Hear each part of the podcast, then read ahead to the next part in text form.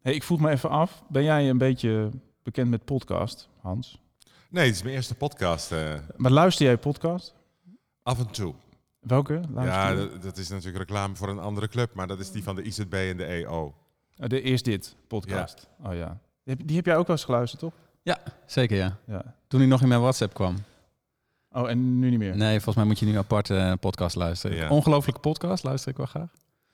En de IMU-podcast, dat is, dat is marketing. Dat vind ik ook erg leuk. I- IMU? IMU. Waar gaat het over? Ja, ja, gaat dan over marketing. Internetmarketing, Unie is het.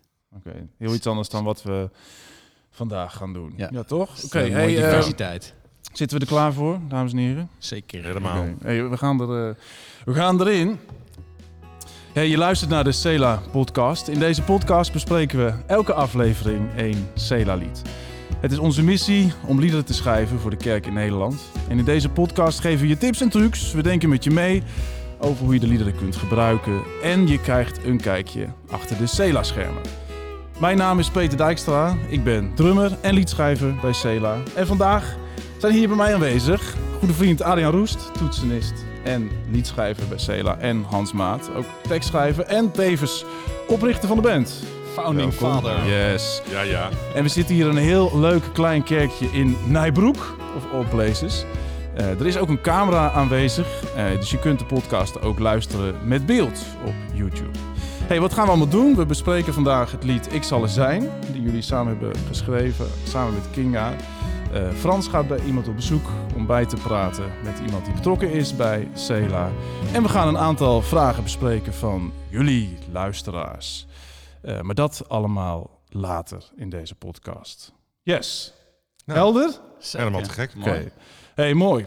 Hey, we spreken vandaag eh, het lied Ik zal er zijn. En dat is natuurlijk een lied waar ontzettend veel over te zeggen is. Waar ook veel omheen is gebeurd. Wat een enorme vlucht heeft genomen de afgelopen tijd. Eh, dus we hebben veel te bespreken. Dus het zal eerder een keus zijn van wat, wat doen we wel, wat doen we niet.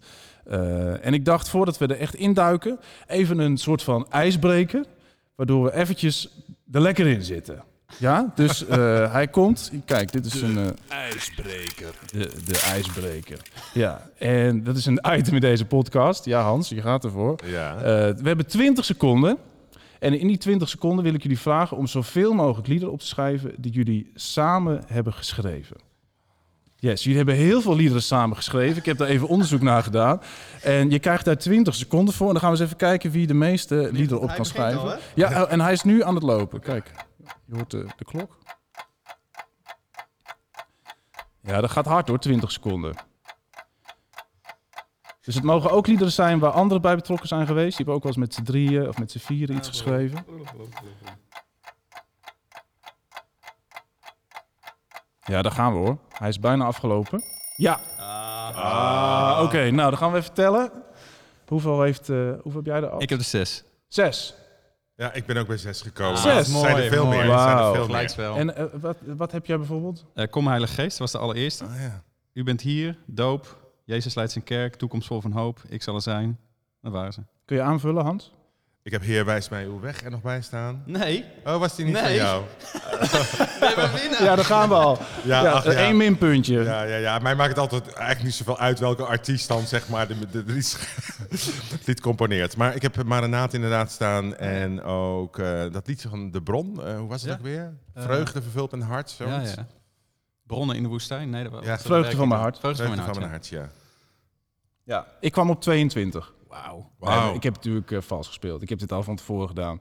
Ja, ik ga ze niet allemaal oplezen. Maar dag van de Heer, de wind steekt op, doop, een toekomst vol van hoop. Gezegend is de Ja. Vader, God van leven, heel mijn hart. Nou, bam, bam, bam. Je hebt Ah, yes. heel veel samen geschreven. En onder andere dus ook het lied Ik zal er zijn, eh, waar we het vandaag over gaan hebben. Ik stel voor dat we even een klein stukje luisteren.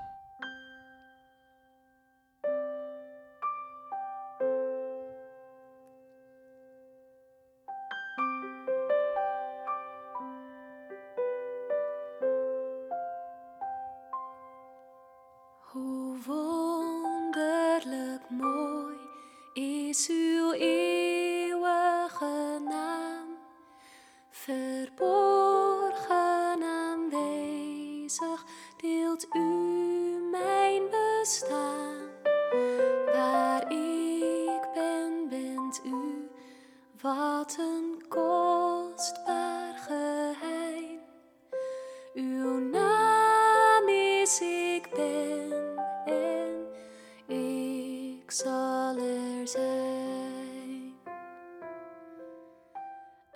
Ja, tot hier eventjes.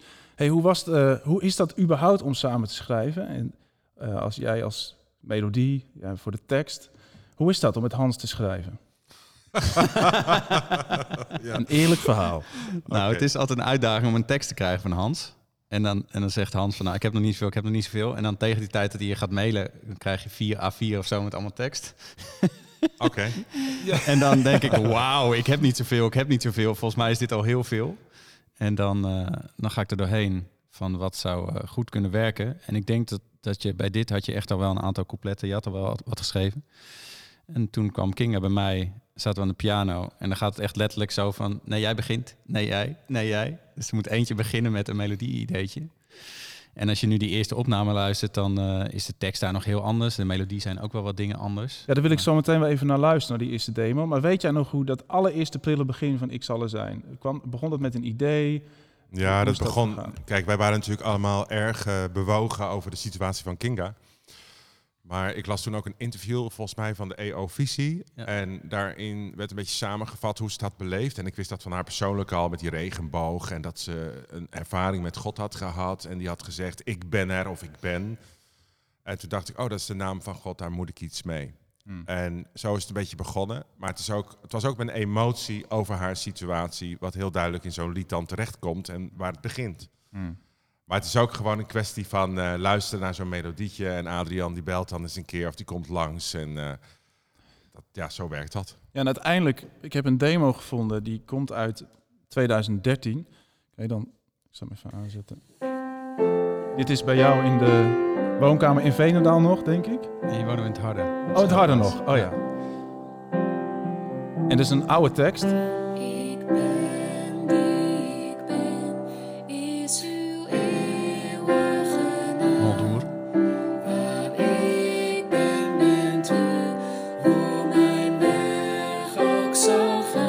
herkent wel dingen hè, van wat het uiteindelijk is geworden. Maar het is wel leuk om te horen. Sommige zinsuitdrukkingen zijn er gewoon weer uitgehaald en veranderd. Zijn naam is En ik zal er zijn, zat er nog niet in. Nee. Dus uw naam is ik ben. En, eh, zei hij- sprak hij zelf tot mij? Oh, ja. Ik weet nog dat James dat toen een keer zei van...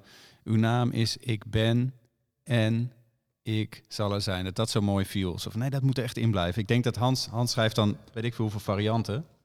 En dan valt er op een gegeven moment valt er één gewoon precies goed in de tekst. Ja, ik had vooral in het begin, ik ben erbij, zeg maar. eh, in plaats van ik zal er zijn. Maar ik zal er zijn is mooier. En dat is ook de betekenis natuurlijk van de naam van God. En komt er dan zo'n moment in dat schrijfproces dat je denkt, wacht, nu hebben we echt wel iets moois in handen? Je zegt zo'n moment dat zo'n Ja, bij, bij Kinga herinner ik me, Adrian, dat, eh, dat zij al heel snel eh, emotioneel reageerde op de inhoud. En dan weet je eigenlijk al, al bij de eerste pennenvrucht of bij de eerste melodie, dat, dat het goed zit. Dan weet je dat je erop voort moet borduren. En dat je niet de boel helemaal om moet gooien. Mm. Alleen, ik herinner me zo goed dat ik met allerlei beelden ging spelen. Want ik had natuurlijk die regenboog. Hè, dus dat, dat hadden we dus. Oh, die ja. boog in de wolken als teken van trouw. Ja. Maar ik begon ook dingen te doen met de zon lag door mijn tranen heen. En de wind fluistert in mijn haar. En nou, het was van alles en nog wat. Ja, ja. En, en dat wordt as too much. Want daardoor kwam de, de tekst, de emotie juist weer verder van je af te staan. En je moet dus dichtbij blijven. Hmm. Want we maken het niet alleen voor haar. We maken het ook voor de mensen die het gaan zingen. En dan weet je gewoon dat ze in het verhaal moeten kruipen. En dat ze er zelf ook emotioneel bij kunnen. Dus vaak moet je allemaal mooie beelden die je poëtisch kan maken er weer uitslopen. Was het veel werk om dit te schrijven? Sommige liederen eindeloos kun je dan blijven schaven. Ik weet het wel zelf, ook met liederen. De- En sommige liederen rollen op een gegeven moment ook wel makkelijker uit. Hoe was dat bij dit lied? Nou, ik vond dat het juist in het begin wel vlot ging. Omdat Ja. je geïnspireerd bent. Maar dan is het dan wel een klein beetje mijn eigenschap. En daar moet altijd ook wel eens om lachen, zeg maar. Dat ik eindeloos blijf doorgaan. Totdat ik op het allerlaatste moment zeg, nou, zo mag het wel. Ja.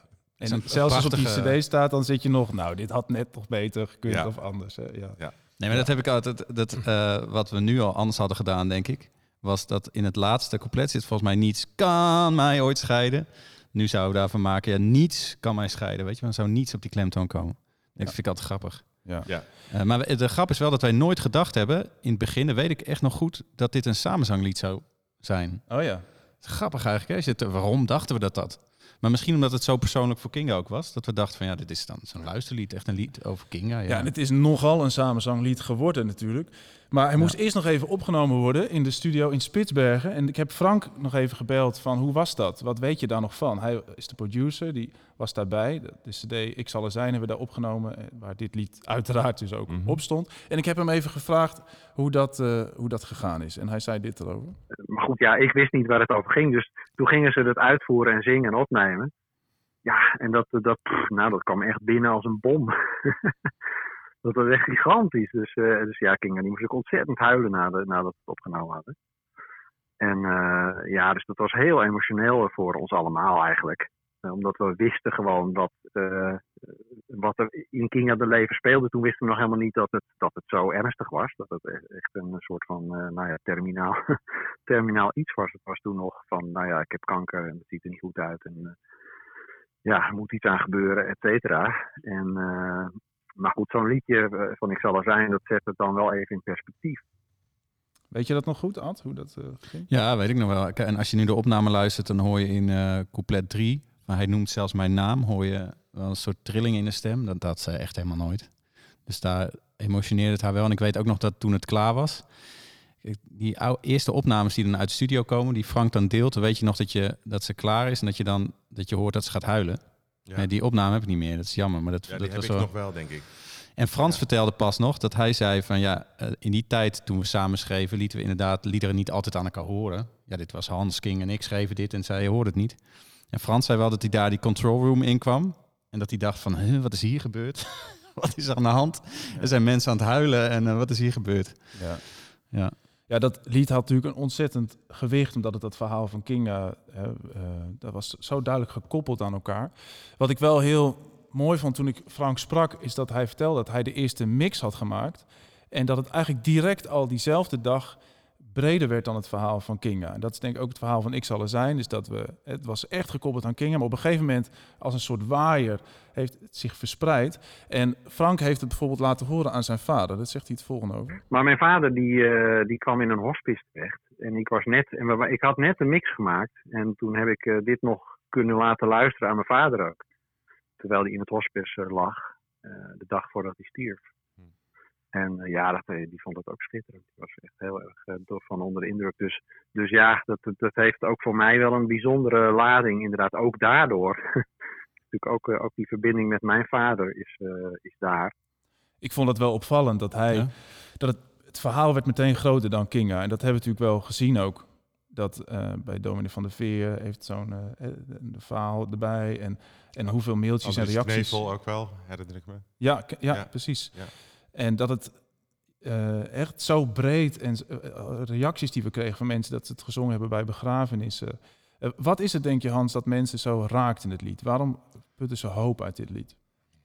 Nou, naast dat ik het nooit helemaal kan grijpen, hè, want het is ook iets wat soort boven je uitgaat, denk ik dat het komt omdat het in een notendop over leven en sterven gaat. En het is dus heel erg ook een stervens- en een rouwlied geworden. Ik was bijna gechoqueerd, want in eerste instantie had ik het zo niet geschreven toen ik voor het eerst op een begraafplaats liep en dat lied op een grafsteen zag staan van een, Oh ja. geloof ik, 28-jarig jongeman die overleden was. En, ehm, maar ja, het vat waarschijnlijk, denk ik, samen wat onze, in de kern onze geloofsbeleving is. God, God is erbij. Hmm. En ik ben niet alleen. En zelfs als ik het heel erg moeilijk heb, ja, dan draagt hij me.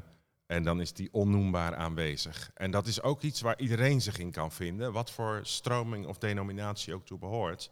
Dat Gods aanwezigheid er is, ook al wordt je op heel, heel verschillende manieren ervaren. En in woorden als onnoembaar aanwezig en ontroerend dichtbij, eh, daar kan eigenlijk elke christen zich mee identificeren. Maar het is, het is waarschijnlijk toch ook wel gewoon. ehm, ehm, ehm, ja, ik, ik denk niet dat je de naam van God bezingen, zeg maar, ik zal er zijn. Die komt 5600 keer in de Bijbel voor. Dat is Yahweh, de God die je dus nooit loslaat. Dat is zo fundamenteel dat ik zelf denk dat God daar een bijzondere zegen aan geeft. Hmm. En ik denk dat dat met dit lied wel is gebeurd. Ja, heel mooi. Ja. Eh, Frank zegt er dit over. Hij, heeft, hij zit na te denken over waarom nou zo'n lied dat zo dichtbij kan brengen. het feit dat God erbij is, dat weet je natuurlijk wel. Maar het is ook de kracht van muziek, denk ik, dat, eh, op, dat Ja. op het moment dat je, kijk, je kunt het cognitief weten dat God erbij is. Maar je moet dat ook voelen en ervaren. En ik denk dat zo'n lied opent dan iets in mensen hun geest en in mensen hun emoties. eh, wat het tastbaar maakt dat God erbij is. Ja, dus Frank benoemt hier de kracht van muziek. Dat zo'n lied dat, eh, dat kan hè, over onze cognitie heen. Of als we het zeggen tegen elkaar, God is bij je. Ja, oké, maar muziek kan het op een soort level, dat we ons daar bewust van zijn. Absoluut. Eh, en nou, dat is bij Ik zal er zijn, denk ik wel, eh, wat jullie poging is geweest en wat we zien dat dat, eh, zo, dat doet bij mensen. Hey, Ja. We gaan straks daar verder over doorpraten, ook over eh, de plek van, van eh, het lijden, ziekte in geloofsleven en hoe we daar ook in de liturgie een plek aan kunnen geven. Eh, we gaan eerst naar een item van onze eigen Frans. Even bijpraten met Frans. Vandaag met Albert Smelt, Hey, eh, leuk joh. Ja, podcast van Cela. Ja, Ik vind het een meesterlijk idee. gek. En we zitten hier in Weesp. Ja, dit is het prachtige pittoreske dorp Weesp, waar ik ook voor het eerst ben. Ja. Maar het is natuurlijk omdat ik eh, een soort van mijn huis ben uitgejaagd door de bouwvakkers. Want die gingen beneden slopen. Ja. Net, eh, net dit weekend verhuisd. Kinderen voor de tweede dag naar de nieuwe school. En ik dacht, ja, dit gaat niet werken. Ik moet, we moeten gewoon maar naar Weesp. Even een dorpje zoeken waar het terrasje is. Ja. En eh, net verhuisd dus. Eh, ben jij tijdens het verhuizen, inpakken en zo herinneringen van Cela tegengekomen? Ja, grappig. Ja, ik, ik heb natuurlijk mijn, eh, mijn, CD, mijn cd's allemaal ingepakt. Onder andere. Ja. En daar zit echt een hele rits eh Cela cd's bij natuurlijk. Eh, ja, die heb ik wel eventjes liefko liefkozend door mijn handen laten gaan natuurlijk. Ja. Dat was Cela van toen. Ik Ja. denk dat je vijf, zes albums hebt opgenomen.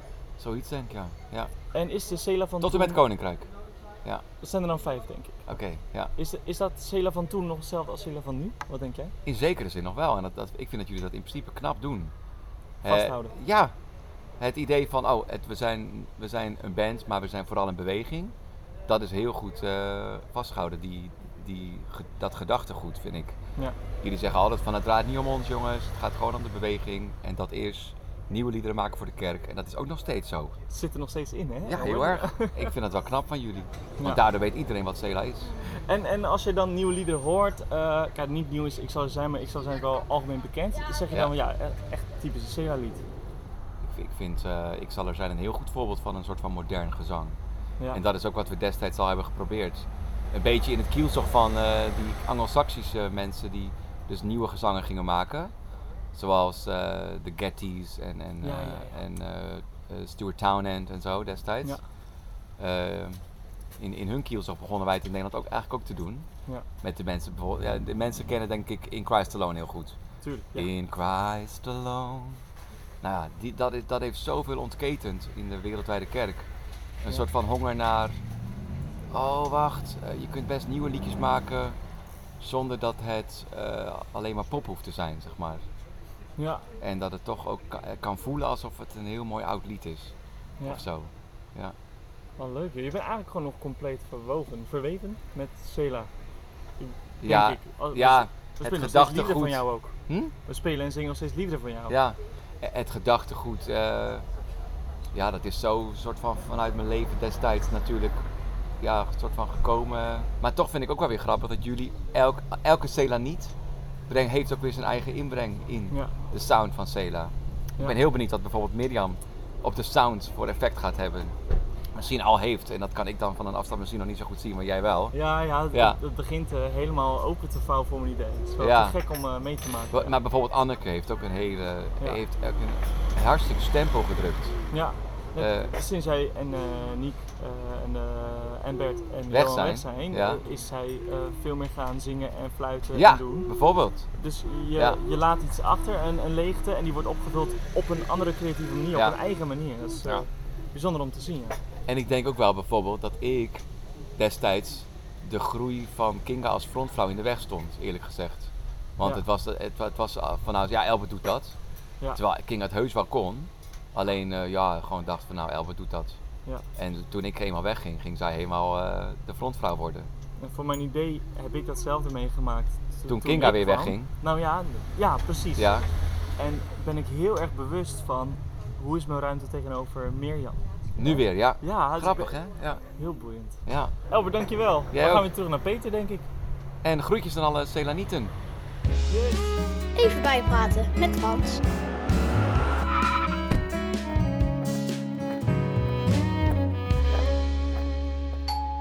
Ja, we zijn weer terug in het kleine kerkje in Nijbroek. En ik heb Ad even gevraagd om achter het orgel plaats te nemen. Om even te laten zien dat je, ik zal er zijn, prima ook op een orgel eh, kan spelen. Dus eh, Ad, kun je even een lekker stukje... eh, ik hoop dat ik het oppak met deze microfoons. Lekker hoor.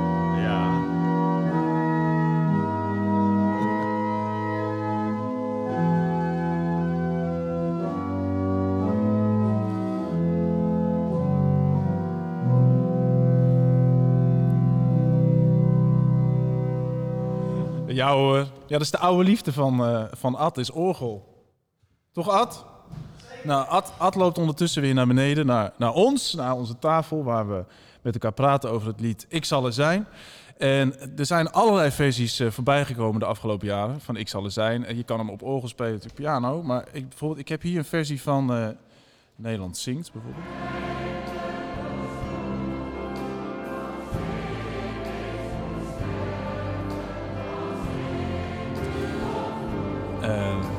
Dat is Nederland Zingt. Ik heb ook Stichting Jij daar heb ik gevonden. Dat is een hele mooie versie.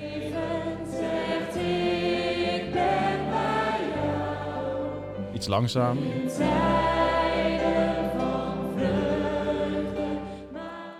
Nou, allerlei voorbeelden van hoe mensen het lied hebben gebruikt in, eh, in de liturgie. Hey Hans, eh, het lied gaat over hoop. En we hebben net gezegd, God is erbij, te midden van ziekte en onzekerheid. Zelfs eh, bij de dood, als mensen dood gaan. Ehm, was het niet beter geweest om hier gewoon een klaagzang erin te gooien? Waarom heb je gekozen voor zo'n hoopvol? Is het niet ook lekker geweest om te zeggen, dit is wat zo'n situatie van Kinga ook vaak... Jij hebt in het verleden ook bijvoorbeeld wel eens een klaagzang geschreven. Ja, Ik eens... eh, helemaal in het begin. dat is Ja. lang geleden. Ja, als ik hem iets verder zet. Eh, waar ze gaan zingen.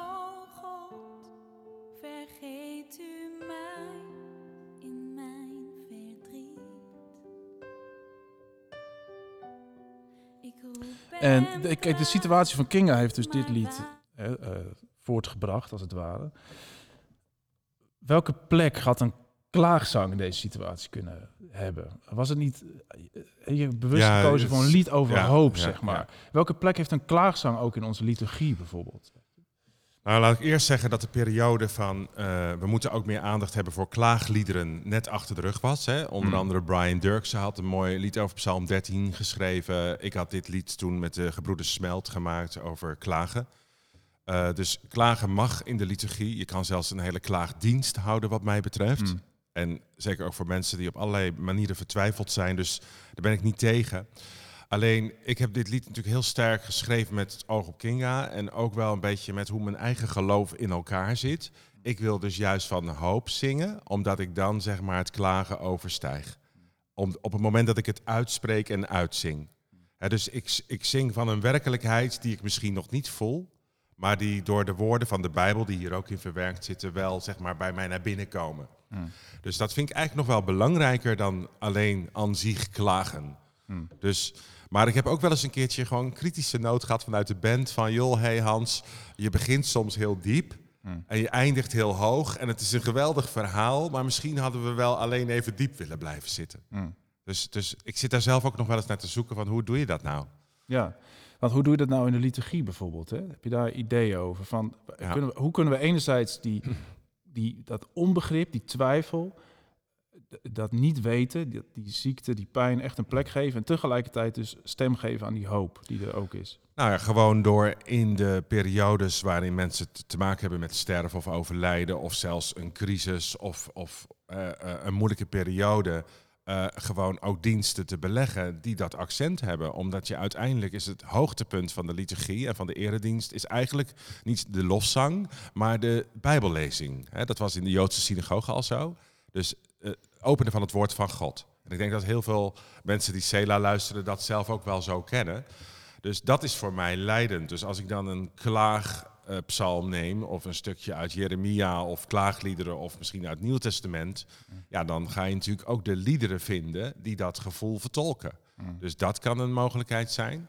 Maar je hebt ook in de protestantse traditie de Kiri-gebeden, de ontferm u Heer gebeden. Daar hebben we trouwens best wel ook liederen voor geschreven.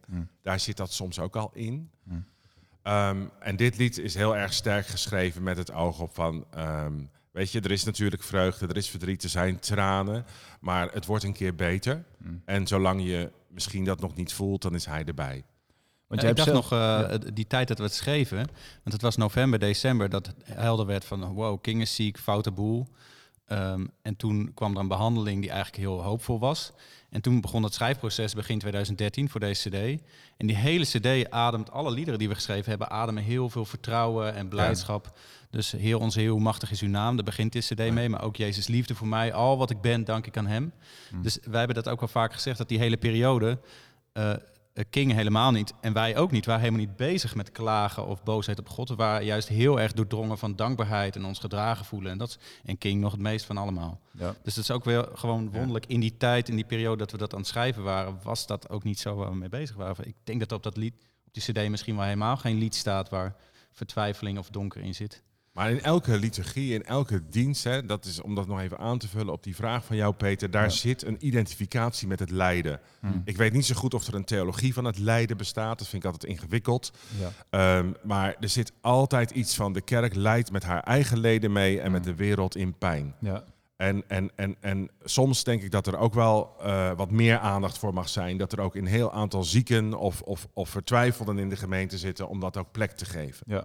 Nou, ja, Luther bijvoorbeeld, die heeft daar wel veel mooie gedachten over. Hè? Dat we God juist ontmoeten als de leidende dienstknecht in het lijden, in de, Ja. in de pijn. Is daar juist Ja. de leidende Jezus Ja. aan het kruis die zich identificeert met ons lijden. En waar we God Prachtig. ontmoeten juist in, in het kwetsbare, in het veracht worden, Ja. in, het, in, het, in de pijn, zeg maar. Maar ik zing mezelf er dan toch weer graag bovenuit. Ja. Hè? Dus als ik dan zo'n liedje moet schrijven, wil ik uiteindelijk toch weer gelovig eindigen. Ja, ja, en dat is dan ook een soort inkijkje in die keuken bij Sela. Dat we dit soort Ja. gesprekken ook Hm. hebben. Dat we zoeken naar hoe kunnen we en plek geven aan het hele menselijke, maar tegelijkertijd een, een, het perspectief van hoop en van liefde en van het soort goddelijke perspectief van Gods belofte, die juist klinken in die, eh, in die situatie. In die zin vind ik in dit lied, eh couplet 3 doet in die zin altijd het meest met me. En dat is wel eh, grappig eigenlijk, dat die eerste twee coupletten... Nou ja, die eerste vooral dat, dat grootste van God en dat refrein ook. En dan het laatste is, oh naam, alle naam en u alle eer. Maar dat, dat couplet van, als ik eens moet sterven, als ik u ontmoet... dan droogt u mijn tranen, u noemt zelfs mijn naam. Ja, Dus dat is nog steeds een hele hoopvolle boodschap. Maar het gaat gelijk ook over misschien wat heftigste moment in ons leven. hè, Als we het Ja. leven los moeten laten en moeten sterven. Dus, Ja. En dan op zo'n manier, ja, dat, dat, dat God dan je naam noemt. Dat is wel zo. Ja. Maar het is ook wel weer, dat is ook wel weer mooi. Maar wij zijn natuurlijk ook liedschrijvers. Hè? Dus vroeger dacht ik er altijd, van, ja, ik ben ook zomaar begonnen, bij wijze van spreken. Ik heb eh, niet zoals jullie conservatorium of een hele route daarvoor gelopen. Eh, eh, maar dacht, ja, weet je, ik doe maar wat. Maar gaandeweg dacht ik, oh nee, ik kies heel bewust de strategie om groot te beginnen en dan ter- dan bij iemand uit te komen, zeg maar, die zich heel persoonlijk daarmee identificeert, om dan weer bij God te eindigen. Hmm. Dus het is ook een vorm ja. waarin je zo'n gedicht maakt. Ja, ja. Oké, hey, als we dit lied, als je die zou willen inzetten in je liturgie, eh, voor, de, voor de luisteraars, jullie, mensen die nu luisteren, als je het lied zou willen inzetten, eh, Ad, heb je wat praktische tips? Ja. Als je het zou gaan spelen. Je zegt hier, je kan het op orgel. Toen heb je net laten horen hoe dat klinkt. Nou, wat ik ook altijd wel grappig vind bij dit lied 1 is dat ik, dat ik hem niet zat ben. En er zijn best wel Sela-liederen dat ik op een gegeven moment denk van nou, doe maar even een periode niet. Met ik, zal er zijn niet. En tegelijkertijd, dat vind ik altijd grappig, want volgens mij heb ik, eh, en met King hebben we de melodie geschreven, maar geen melodie zo makkelijk als deze eh, gemaakt. Ja.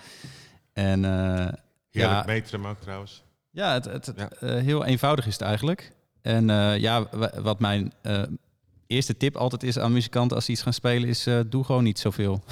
doe gewoon niet te veel. Ja, Vertrouw erop dat dat lied wel doorgaat, dat mensen wel doorzingen. En zeker bij dit lied, als je het eerste akkoord neerlegt En je doet ergens halverwege het lied nog een keer een akkoord, dan komt het lied ook wel aan zijn eind, weet je wel. Maar dat is ook, dat is ook wel de kracht van Ad. Hè? Dat als hij speelt, dan laat hij ook heel veel weg. Ja. En dat is veel beter dan dat je alles invult en Ja. opvult. Ja, ik denk veel muzikanten hebben dat idee dat ze dan dat, ze- ja, dat ze toch wel moeten blijven spelen om de boel wel op gang te houden. Terwijl Ja. zo'n, zeker zo'n lied, mensen zingen dat wel door. Dus laat het los en, en leg eens gewoon eens een paar maten helemaal niks neer. Laat het eens doorzingen. En ontdek eens dat je, dat je echt faciliterend bent, maar ook een beetje overbodig soms wel. Ja, en wat wij tegenwoordig, wat je niet hoort op de studio-versie eh, van Ik zal er zijn, hè, de CD, is dat we op een gegeven moment ook met, dat doen we live, dan komen we met de band erbij, hè, richting het einde. Oh, naam alle. na- Dus dat kan ook, dus dat je, dat zie ik soms bij muziekteams, als ze dan met z'n vijf of z'n zes op het podium staan, dat ze meteen vanaf het begin, weet je, met het hele team spelen. Maar bij zo'n lied als dit is dat natuurlijk super mooi om dan te starten met piano, klein te starten. En dan waar die echt omhoog gaat bij zo'n laatste couplet. Aan u alle eer. Grote, grote ja. contrasten maken. En ja. daar gewoon hartstikke idee die, die band erin gooien. Dus, Hartstikke eh, idee. De dynamiek opzoeken. hey, mooi. We hebben eh, ook een aantal vragen van luisteraars. Een vraag van een luisteraar. Ja, we hebben... Kijk, het was het mailtje van de luisteraar. Die kwam net eh, even binnen. Kijk, ik heb hier een aantal eh, vragen. Eh, ik heb hier bijvoorbeeld eh, van Milene Henning. Die vraagt, hoe is Cela ooit begonnen? Ik denk, dat vind ik wel een leuke vraag voor Hans. Want Hans is ooit begonnen met Cela. Toch? Ja, zeker, zeker. En ik, ik moet eerlijk zeggen, de- in, de, in de lastige periode van je leven, ik had toen eigenlijk echt een overspanning. En ik lag letterlijk op de vloer van de woonkamer gewoon een beetje te klagen. Dus als we daar dan toch, eh, dat zal ik dan maar een keer verklappen. Je leven was één groot klaaglied. Ja, ja, we hebben van die momenten dat we denken, nou, ik trek het niet meer, ik heb er geen zin meer in. eh, en daar ontstaan ermee. vaak mooie dingen. Ja, en dan is in mijn geval, dan roep ik ook naar de hemel en zeg ik, Heer, heeft u nog wat voor mij te doen? Want ik, ik wil dit op deze manier niet volhouden zo. Dus, en toen, en toen dacht ik al aan van, eigenlijk zou ik gewoon iets met liedjes moeten gaan doen. Ik deed dat voorheen al eh, bij kindermusicals en vroeger voor de NOS. Ehm, dus dat pak je dan weer terug, want dat is ook gewoon iets wat je bij je draagt. En toen ben ik gaan praten met Harme van Wijnen, toenmalig eh, directeur van de HGB, was mijn eh, leidinggevende en collega. En naast dat hij eh, heel veel compassie had voor mijn, eh, voor mijn overspanning, eh, zei hij op een gegeven moment van... Hey Hans, die ideeën die je hebt, een liedbundel maken, een cd produceren, nieuwe liederen schrijven voor de kerk... dat moet je maar eens een jaar gaan doen voor 50% Dus dat was voor Oh. mij een enorme kans, 50% En binnen dat jaar hebben we toen dat allemaal gedaan. Ja. En natuurlijk stond in de kinderschoenen, de generale was nog een drama. eh, dat ik echt dacht van nou, deze jongens kunnen er eigenlijk helemaal niks van.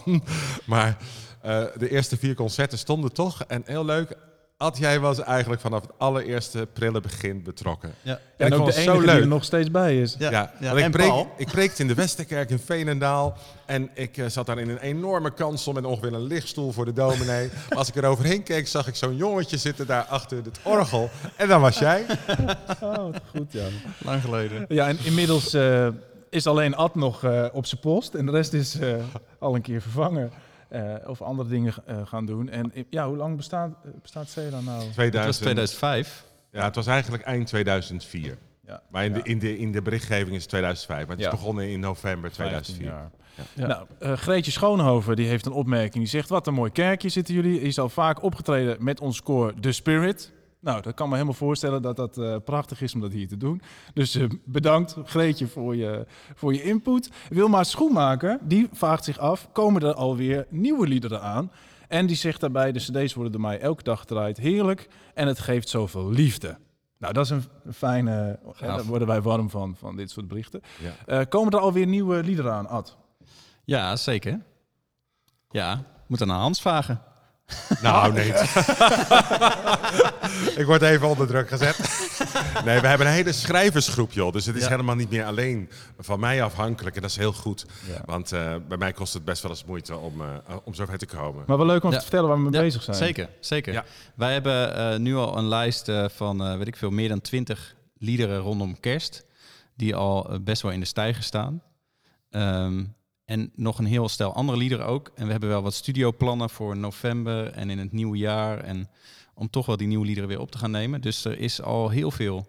En we merkten dat we na corona wel even weer in moesten komen in dat schrijven. En waar schrijven we nou voor als we niet live samen met die mensen het kunnen zingen? Maar ik merk dat we nu de afgelopen weken telkens die nieuwe liederen aan het spelen zijn en aan het bekijken zijn, dat we daar toch wel heel blij van worden. Ja. Dus het zijn ontzettend veel liederen. En ehm, ik heb ook nog een aantal melodietjes liggen die dan nu nog liggen. Dus ik had al plan om die naar Hans te gaan sturen. Dus dat ga ik ergens maar een keer doen. Bij deze is dat, eh, is geregeld. bij deze is dat geregeld. Hey, eh, dus Wilma, er komen dus zeker weer nieuwe liederen aan. Veel kerstliederen. Er zit van alles eh, ligt op de plank waar we mee bezig zijn. Dus we zitten niet stil. Ook al kunnen we ja, door de coronamaatregelen wat minder optredens doen. Eh, we zijn wel bezig nog met liederen schrijven. En die komen er zeker aan. Ehm, nou, Martin van der Vlis had nog een vraag. Gaat Adrian in deze kerk op het orgel spelen? Nou, dat hebben we gedaan in deze podcast. en in welke kerk, dat is dan de laatste vraag. In welke kerk staat zijn favoriete orgel? Of is dat stiekem toch... Of zit dat stiekem toch in zijn Noord? Je favoriete orgel? Vraagt Martin. Wat leuk. Martin is volgens mij een kenner. Nou, Martin spreek ik wel eens. Mail ik wel eens mee. Oh, en u ken jij, Martin van der Grappig, ja. Na concerten spreek ik hem wel eens. Ehm, nee, een, eh, de, de- een echte pianovleugel, een echt orgel hebben toch wel de voorkeur boven mij in Noord. Hoewel ik daar heel blij mee ben. Ja, mijn favoriete orgel, poeh, dat weet ik eigenlijk niet. Eh, ik zit wel te denken, eh, de bovenkerk in Kampen. Oh, wauw. Er staat een heel groot orgel. En vroeger speelde daar, toen ik eh, heel jong was en net orgel speelde, speelde daar mijn grote held Willem Hendrik Zwart. Ja. En eh, dan mocht je ook op zaterdagmiddag naar boven bij de speeltafel. Ja. En dan maakte hij een praatje met je en dan zette hij een handtekening. En eh, nou was, waren we daar pas een keer met Cela. En toen kwam Jan Quintus, zijn zoon, die kwam naar hem toe. Die zei, wil je even op het orgel? En hij had ook Ja. nog wel bladmuziek liggen van muziek die ik toen ook luisterde en speelde. En hij heeft precies dezelfde registratie gedaan. Dus dat was wel echt te gek. Oh man, ik was daarbij. Dat was te gek. Ja, prachtig Ja, hoor. tussen onze soundcheck en het concert in, even op het orgel. Ja. hey, eh, dat was het. Jongen, ik, eh, ik bedank jullie beiden. Dit was weer eh, een podcast aflevering over Ik zal er zijn. Ik bedank jullie eh, luisteraars voor het luisteren. En eh, leuk dat je even hebt geluisterd. Je kan je abonneren op deze podcast als je dit leuk vond. Dan mis je geen enkele aflevering meer. En er zijn nog heel veel andere liederen, die, die we gaan bespreken. Dus die kun je dan ook even luisteren. Je kan ook een review achterlaten, een beoordeling. Dat vinden we ook leuk om even te horen. Heb je vragen of opmerkingen, een klacht, dat kan ook. Dan eh, kun je dat sturen naar podcast.cela.nl. Daar kun je ons op bereiken. En eh, nou, je vragen kunnen we dan ook weer gaan bespreken tijdens deze podcast. In de volgende aflevering weer een nieuw lied, nieuwe tafelgasten, een nieuw item van Frans. En eh, nou, hopelijk weer met jou als luisteraar. Jongens, bedankt. Hans en Ad. Dankjewel, hè. Yo. En jullie tot een volgende keer. Doei!